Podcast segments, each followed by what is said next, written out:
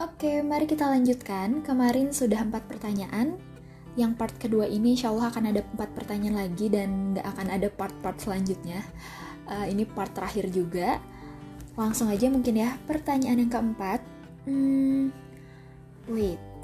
Oh ya. No, jurusan apa aja sih yang diterima di rekrutmen PCPM Bank Indonesia? Nah, ini tuh merupakan salah satu pertanyaan yang umum banget aku terima ya. Bahkan seingatku dua minggu lalu ketika aku buka Q&A di Instastory itu ada satu respon yang kocak gitu ya. Kayak dia maksudnya ngelawak sih. Respon dia tuh gini. No, gue lulusan kebidana nih, tapi pengen kerja di BI. Boleh gak? Waduh. Sebenarnya di BI pun ada klinik atau center kesehatannya gitu ya tapi barangkali jalurnya memang bukan jalur PCPM jadi kalau ditanya boleh atau enggak ya boleh-boleh aja gitu ya oke terus ada juga pertanyaan mirip-mirip gitu. Biasanya pertanyaan paling lebih banyak lagi tuh kayak gini. Harus banget gak sih no jurusan ekonomi baru boleh daftar BI atau memang BI menerima jurusan-jurusan lain kayak gitu? Oke jadi gini teman-teman. Requirement terkait background pendidikan entah itu yang sudah eh, baru S1 maupun yang sudah S2 di jalur PCPM ini memang kalau boleh katakan sangat agile ya. Jadi sesuai dengan perkembangan zaman. Meskipun setauku jurusan ekonomi hampir selalu dibutuhkan setiap kali PCPM ini dibuka. Hanya memang menariknya nih ya kalau teman-teman perhatiin beberapa tahun belakangan ini BI cukup concern untuk menerima SDM yang backgroundnya tuh IT apa pun lah itu yang berbau-bau teknologi gitu dan sebenarnya nggak aneh juga sih kalau kita lihat perkembangan ekonomi digital saat ini kemudian juga e-payment, Internet of Things, AI, blockchain dan banyak lagi gitu istilah-istilah yang aku pun kayak waktu kemarin kuliah hampir jarang sekali dengar istilah-istilah itu baru kemudian sedikit demi sedikit seenggaknya tahu gitu ya ketika sudah ada di BI gitu. Apalagi kalau teman-teman sering baca juga era saat ini tuh sering disebut dengan VUCA. Volatility, Uncertainty, Complexity, dan Ambiguity. Jadi memang tantangannya tuh udah nggak kayak dulu lagi gitu. Setiap setiap era kan ada ada apa ya ciri khas tantangannya masing-masing gitu. Termasuk kalau di era sekarang, ibaratnya digital teknologi tuh bisa jadi peluang tapi bisa juga jadi ancaman termasuk uh, ancaman dan peluang terhadap perekonomian kayak gitu jadi mungkin BI sudah melihat uh, ke arah sana gitu jadi mereka sangat membutuhkan orang-orang yang berkecimpung di bidang IT-ITan gitu deh pokoknya uh, lalu Meskipun demikian, maksudnya uh, khusus jurusan ekonomi, sependek yang aku tahu dari dulu banget sampai sekarang itu masih sangat dibutuhi, dibutuhkan gitu. Nggak jarang, nggak tahu sih setauku kayak nggak pernah nggak ikut list jurusan yang dicari lah ibaratnya kalau ekonomi itu. Meskipun memang uh, untuk tahun ini yang aku tahu uh, jurusan ekonominya ini terbatas untuk dua konsentrasi utama yakni ilmu ekonomi atau mungkin di beberapa kampus disebutnya ekonomi studi pembangunan dan ilmu ekonomi syariah. Karena sebelumnya nih ya, waktu angkatan aku ini yang tahun sebelumnya itu banyak banget teman-teman yang jurusannya akuntansi, tapi untuk tahun ini kalau aku tidak salah tuh sudah tidak tidak dibuka gitu untuk jurusan akuntansi. Kemudian ada juga jurusan agribisnis bahkan dari satu kampus yang sama dari IPB. Gelarnya SE sama-sama SE tapi dia agribisnis gitu. Jadi lebih variatif lah dibandingkan hmm, tahun ini yang memang sepertinya BI ingin lebih banyak mencari orang-orang yang IT-ITan lah gitu. Anyway, kalau kita tarik lebih jauh mundur ke belakang lagi, ada juga sebenarnya jurusan psikologi, komunikasi, dan juga hukum. Nah, di angkatan aku aja nih ya psikologi sama komunikasi itu udah nggak ada. Ketika di beberapa tahap pertama aku sempat kenalan sih ada orang UI dia komunikasi UI tapi at the end dia nggak ada gitu. Jadi dulu-dulu masih ada tuh ya dua jurusan itu tapi di angkatan aku nggak ada. Jadi jadi jadi mulu ya. Oke pokoknya Uh, komposisi background pendidikan tentu memperhatikan kebutuhan BI sebagai organisasi. Itu aja sih yang perlu teman-teman ingat. Dan yang tahu kebutuhannya apa ya lagi-lagi mungkin para dewan gubernur kemudian juga dari pihak HRD atau SDM gitu. Oh ya anak teknik juga BTW merupakan salah satu jurusan yang mendominasi sih di angkatan aku. Jadi banyak banget ekonomi udah pasti ya. Maksudnya 50% pasti anak ekonomi gitu. Dan 50 eh ya 30 persennya lagi tuh banyak banget anak teknik. Teknik apa pun itu. Teknik mesin industri sipil metalurgi perminyakan apa pun yang teknik-teknik tuh banyak banget. Bahkan yang spesifik ekonominya adalah ekonomi syariah juga di angkatanku terhitung minoritas. Hanya ada ya 2-3 orang lah kalau aku nggak salah hitung ya ya sekitar 2-3 orang aja. Jauh banget dibandingkan dengan teman-teman dari teknik ekonomi maupun tadi IT kayak gitu. Uh, jadi saranku sih sebenarnya nanti teman-teman coba dicek secara berkala website poster yang official ya bukan hoax dari eh, mana-mana gitu yang bener-bener udah official dari Bank Indonesia. Nanti coba diperhatikan betul-betul apakah jurusan teman-teman dibuka atau enggak gitu kita beranjak ke pertanyaan kedua. Mudah-mudahan ini nggak nyampe setengah jam ya, kayak yang kemarin setengah jam soalnya. Hmm, oke. Okay. No, ketika sudah diterima, kita bisa milih departemen atau divisi penempatan nggak sih? Oke, okay. ini menarik juga sih pertanyaannya. Jadi, uh, beginilah gitu ya, uniknya bekerja di BI.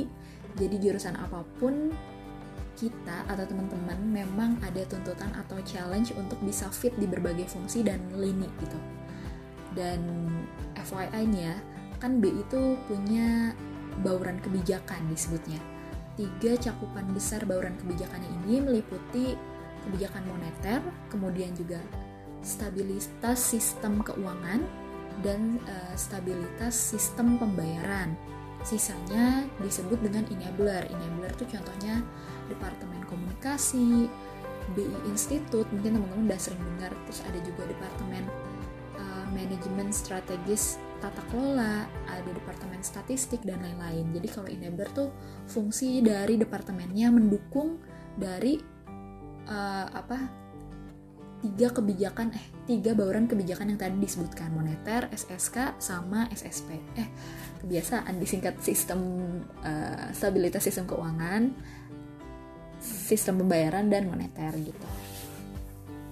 Terus kalau ditanya terus kita bisa milih nggak sih no? Gue tuh maunya ditempatinnya di moneter aja atau aku tuh maunya di sistem pembayaran aja aku anaknya uh, apa hmm, cashless banget nih pengen mengkampanyekan cashless society dan seterusnya gitu ya. Uh, kalau dari perspektif aku yang aku pahami sampai aku kemudian diterima sebenarnya nggak ada satu orang pun yang punya privilege buat menentukan sendiri mau di mana. Jadi yang menentukan itu betul-betul otoritasnya ada di SDM. Namun, aku meyakini bahwa sebagai salah satu consideration yang memang sangat penting tentu uh, eh, HRD atau sebenarnya kalau di sini sebenarnya DSDM sih. DSDM tuh melihat betul background pendidikan teman-teman tuh apa gitu. Jadi bisa jadi salah satu faktor penentu utama yang nggak bisa diabaikan juga gitu. Contoh, di PCPM angkatan 33 anyway aku angkatan 34 ya. Jadi 33 berarti senior aku di atas. Aku menemukan dua orang dengan backgroundnya ekonomi syariah kebetulan yang satu kuliahnya di IPB yang satu dari Inggris sudah S2 Islamic Finance sih kayaknya. Nah saat ini ketika ditempatkan mereka pada akhirnya ditempatkan di Departemen Ekonomi Keuangan Syariah atau DEX ya di mana DEX ini berada di bawah rumpun moneter Nah, kalau dilihat berarti sesuai dong dengan uh, jurusannya ya. Terus ada juga senior yang dia S1-nya psikologi dan saat ini ditempatkannya di DSDM atau bagian HRD tadi. But balik lagi gitu ya, nggak menutup kemungkinan in long term gitu, dan jangka panjang kita bisa aja dimutasi dipindahkan ke departemen atau satuan kerja tertentu. Jadi ya memang harus be prepare lah gitu. Hanya memang hmm, sebagai catatan juga nanti ketika interview biasanya teman-teman tuh akan ditanya kalau kamu seandainya diterima kamu pengennya ditempatin di mana sih? Gitu. Terus kenapa dan apa yang akan kamu lakukan? Kalau misalnya teman-teman nganggap ini pertanyaan sepele atau cuma basa-basi menurutku keliru lah eh, keliru. Karena bisa jadi memang HRD tuh butuh insight nih karena kan pasti uh, calon kandidatnya udah bagus-bagus ya. Mereka butuh diyakinkan apa sih memang kontribusi yang bisa kamu lakukan sebagai SDM di Bank Indonesia gitu?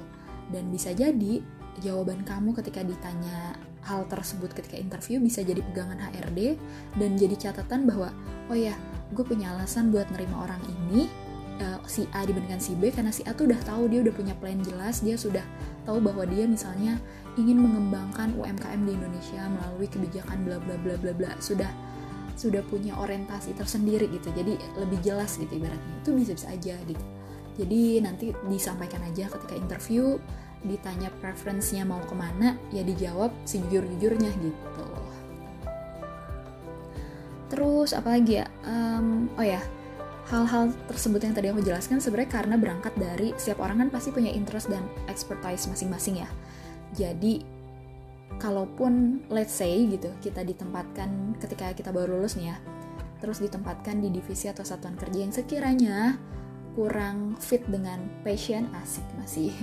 Ya apa pun lah gitu dengan interest personal kita sebenarnya ada strategi yang bisa kita lakuin yakni ketika lanjut pendidikan S2 atau S3 kita bisa mengajukan uh, jurusan yang memang uh, sesuai dengan passion kita gitu. Tentu dengan argumen yang logik dan juga meyakinkan gitu.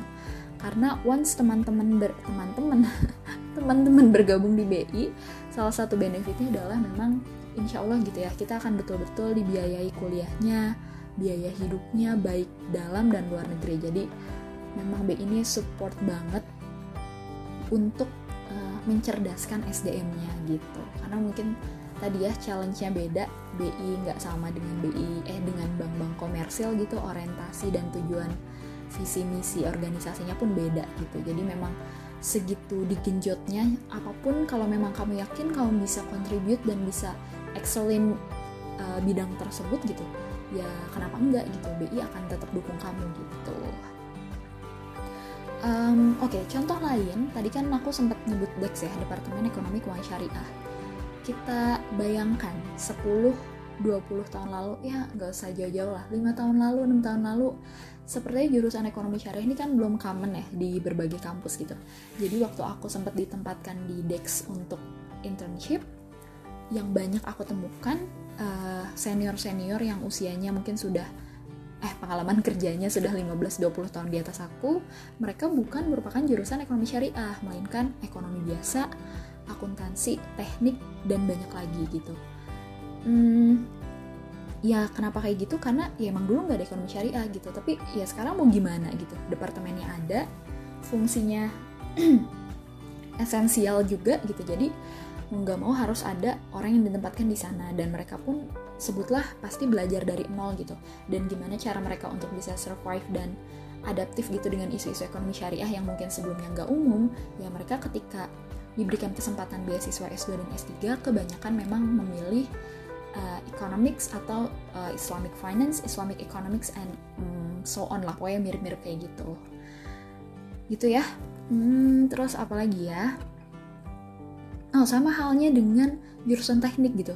Kan nggak ada satuan kerja atau departemen BI yang memang menghususkan buat ini adalah departemen khusus anak-anak teknik itu yang nggak ada juga gitu. Tapi mungkin kemampuan mereka dalam hal modeling dibutuhkan di berbagai lini atau fungsi eh, BI sebagai organisasi. Ibaratnya kita tuh sedang bekerja dalam satu organisasi atau satu tubuh yang sama gitu ya. Tentu akan banyak peran atau fungsi yang diambil. Let's say dia anak ekonomi. Sejago apa pun dia tentang teori ekonomi, uh, analisis ekonomi dan seterusnya, dia tetap nggak bisa berdikari sendiri gitu. Dia pasti butuh support dari rumpun keilmuan lain. Contohnya adalah komunikasi, di mana kemudian uh, analisis ekonominya yang dalam tanda kutip ruwet gitu bisa dialih bahasakan sehingga masyarakat ataupun pelaku industri kemudian bisa mengerti dan memahami kenapa BI mengambil kebijakan A, B, C dan seterusnya gitu. Jadi masih banyak peluang gitu uh, di di mana BI itu butuh banyak orang gitu bukan buat ekonomi aja. Semoga menjawab. Oke, lanjut ya ke pertanyaan ketiga. masih ketiga eh ketiga keberapa sih empat lima enam ketujuh sih ini harusnya pertanyaan ketujuh no ceritain dong vibes ketika oh ceritain ya vibesnya ketika seleksi maupun pengalaman bekerja selama di BI. Um, aku sebenarnya agak ragu sih buat jawab pertanyaan ini karena aku pun baru lulus kemarin sore. Ini sial aku banget kemarin sore. Nggak kemarin sore bener-bener kemarin sore sih. Maksudnya baru tahun lalu 2019 dan sejujurnya aku merasa sangat-sangat pressure banget ketika itu karena mikirnya siapa aku sih? gitu. Bisa lolos BI ah nggak mungkin gitu. Ya mimpi lah gitu. Bener-bener sepesimis itu tapi ya memang kadar Allah gitu ya. Mungkin sudah jalannya seperti ini meskipun berat banget di setiap abis tes pertahap gitu tuh ya. Oh kalau udah beres tuh kan karena nah ngomong gimana sih? Tahapannya kan banyak banget ya seperti yang di part 1 udah aku ceritain. Jadi seusai aku menyelesaikan satu tahap itu tuh otak aku tuh kayak bergemuruh gitu loh. Mbak ya? Makin uh, makin galau makin worry makin takut karena yakin ah paling juga abis ini nggak akan lolos kayak gitu. Ada selalu ada perasaan-perasaan seperti itu gitu. Kemudian juga uh, yang bikin berat untuk aku pribadi adalah ini bukan nakut-nakuti ya ini kayak honest review lah. Ini beneran. Mereka tuh ngasih pengumuman biasanya cuman 1-2 hari sebelum pelaksanaan. Misalnya pengumumannya Kamis kamu lolos tahap FGD gitu. Nah Sabtu tuh udah berangkat FGD atau dikasih tahu Jumat kamu lolos tes kesehatan. Minggu tuh udah tes kesehatan jadi ibaratnya gak banyak persiapan yang bisa aku lakukan. Dan lebih parahnya lagi memang kondisinya ketika itu aku sedang bekerja juga sempat yang aku bilang di startup dan juga di lembaga zakat gitu jadi kerja iya gitu ya. Ketika nerima email itu ketika lagi kerja jadi kayak waduh gimana ya? Aduh harus persiapan apa ya? gitu. Dan aku waktu itu pun tinggalnya di Jakarta gitu jadi ngekos eh nggak kos sih. Uh, tinggal di rumah sendirian gitu. Jadi kayak bener-bener waduh gimana? gitu. Susah susah untuk dijelaskan tapi se seheboh itu gitu yang aku rasakan. Terus apalagi ketika tes kesehatan gitu honestly aku nggak ada preparation yang gimana banget. Karena kalau teman-teman tahu gitu ya memang kalau udah di level multinational company atau lembaga kementerian tes kesehatan ini bener-bener yang salah satu urgent banget gitu. Dan buat orang-orang yang ngerti seharusnya mereka sudah mempersiapkan fisiknya sebaik mungkin. Setidaknya 1 sampai 2 minggu sebelum tes kesehatan itu berlangsung. Entah rajin olahraga kemudian menjaga pola makan rajin minum apa eh makan buah-buahan atau makanan sehat apa pun itu gitu. Sedangkan aku kondisinya waktu itu nggak bisa karena agak mulai stres gitu kan stres karena shock sendiri gitu. Aduh masa sih bisa nggak ya gitu.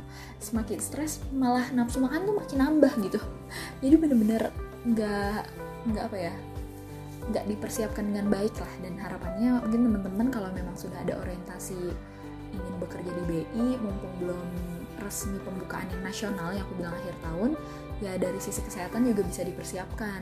Karena kalau aku sih salah satu eh satu sebeberapa hal dari gaya hidup sehat yang bisa aku banggakan mungkin pertama emang aku sangat mengurangi nasi ya.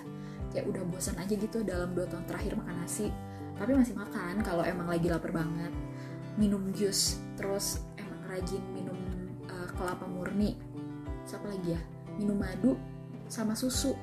Tapi itu hmm, kebiasaan baik itu tuh seiring sejalan dengan hobiku yang makan daging seafood makanan pedas mie ayam indomie. Aduh itu udah my love love banget lah. Apalagi aku doyan masak kan jadi kayak segala bumbu tuh santan gitu-gitu tuh ini banget apa hobi banget gitu buat masak sekaligus makan. Jadi uh, agak sempat khawatir ya karena kan yang di tes tuh betul-betul kayak tekanan darah kolesterol terus ya seperti aku bilang di part 1 dari ujung kepala sampai kaki dan organ-organ dalam gitu kalau boleh dibilang tapi lagi-lagi ya alhamdulillah mungkin memang sudah jalannya masih diloloskan sampai tahap akhir gitu. Um, itu beberapa pressure yang aku apa ya beberapa trigger yang membuat aku merasa under pressure gitu ya. Ada satu lagi sih sebenarnya. Jadi aku tuh merasa jiper banget merasa minder banget ketika di ruangan seleksi itu kan biasanya kita basa-basi ya kenalan sama peserta lain gitu Hai namanya siapa? Kamu dari kampus mana? Terus pertanyaan uh, mainstream lainnya adalah udah pernah kerja sebelumnya atau baru lulus? Gitu kan. Dan wah masya allah gitu ya. Yang aku dapetin memang ketika itu seringnya salaman atau berkenalan sama orang-orang yang udah S2 entah dia LPDP entah self funded dan itu tuh bukan dalam negeri tapi luar negeri gitu. Atau yang bekerja dia di Bappenas kementerian tertentu sampai perusahaan multinasional jadi wah aku nggak bisa gimana ngejelasinnya ya. Dan mungkin mental aku pun yang belum kuat gitu ya. Padahal aku sudah merasa cukup banyak di tempat ketika kuliah. Tapi pas kenalan gitu aja tuh langsung kayak lemes gitu loh kayak wow sedangkan aku baru pakai toga kemarin gitu masih dengan uh, euforia hadiah-hadiah wisuda gitu. Tapi orang-orang udah jauh uh, melambung jauh terbang tinggi lah gitu. Karena memang uh, jalur ini pun cukup fleksibel. Maksudnya dari segi umur itu kalau kampus hiring karena aku bilang kemarin itu maksimal 24 tahun.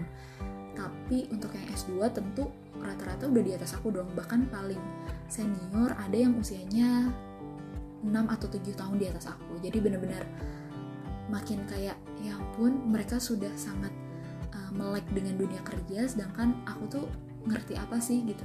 Nggak ngerti apa-apa gitu loh.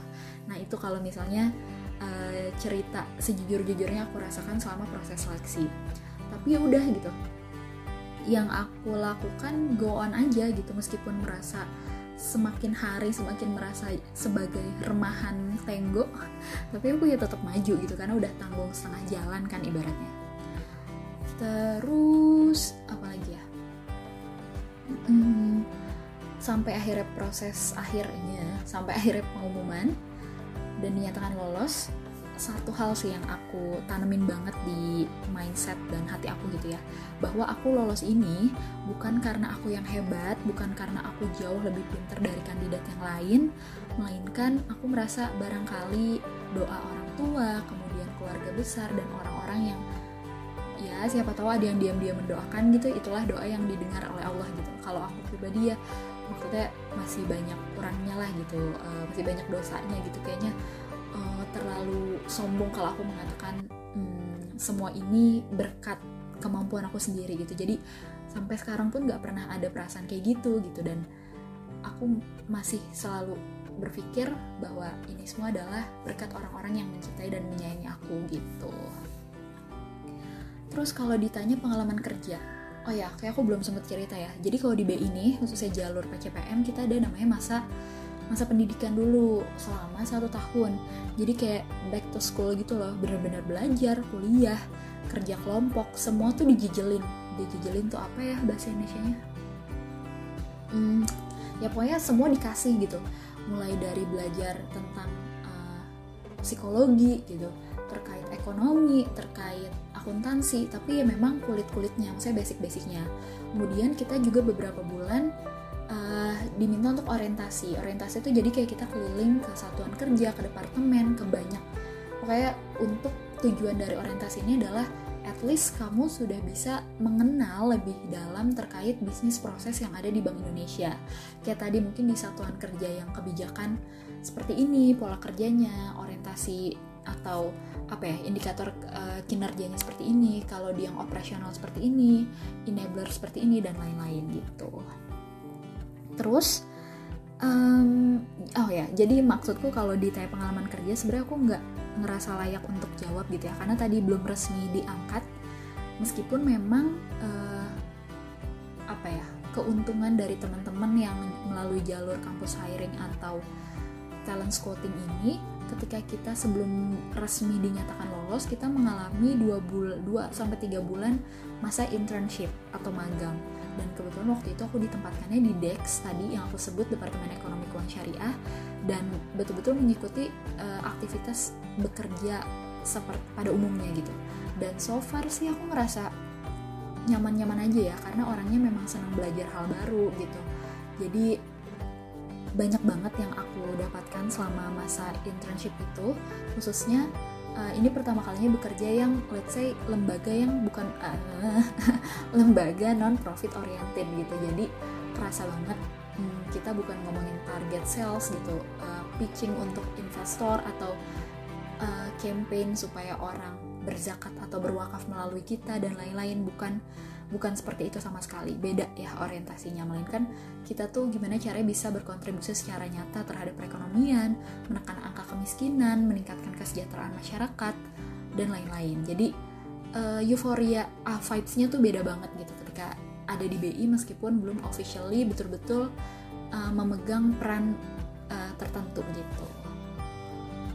Dan satu lagi sih alhamdulillahnya gitu ya di bawah kepemimpinan gubernur BI saat ini kalau teman-teman perhatikan banyak banget transformasi yang sedang diikhtiarkan gitu mulai dari culture kerja yang sudah mulai ke arah digital tapi again bertahap gitu ya kalau misalnya kalian expect kayak nggak kayak startup nih semua udah serba digital gitu semua udah um, apa ya pokoknya modern modern dalam tanda kutip udah cepet banget lah gitu percepatan uh, culture digitalnya gitu. Sedangkan kalau BI kan memang organisasi yang resmi gitu ya.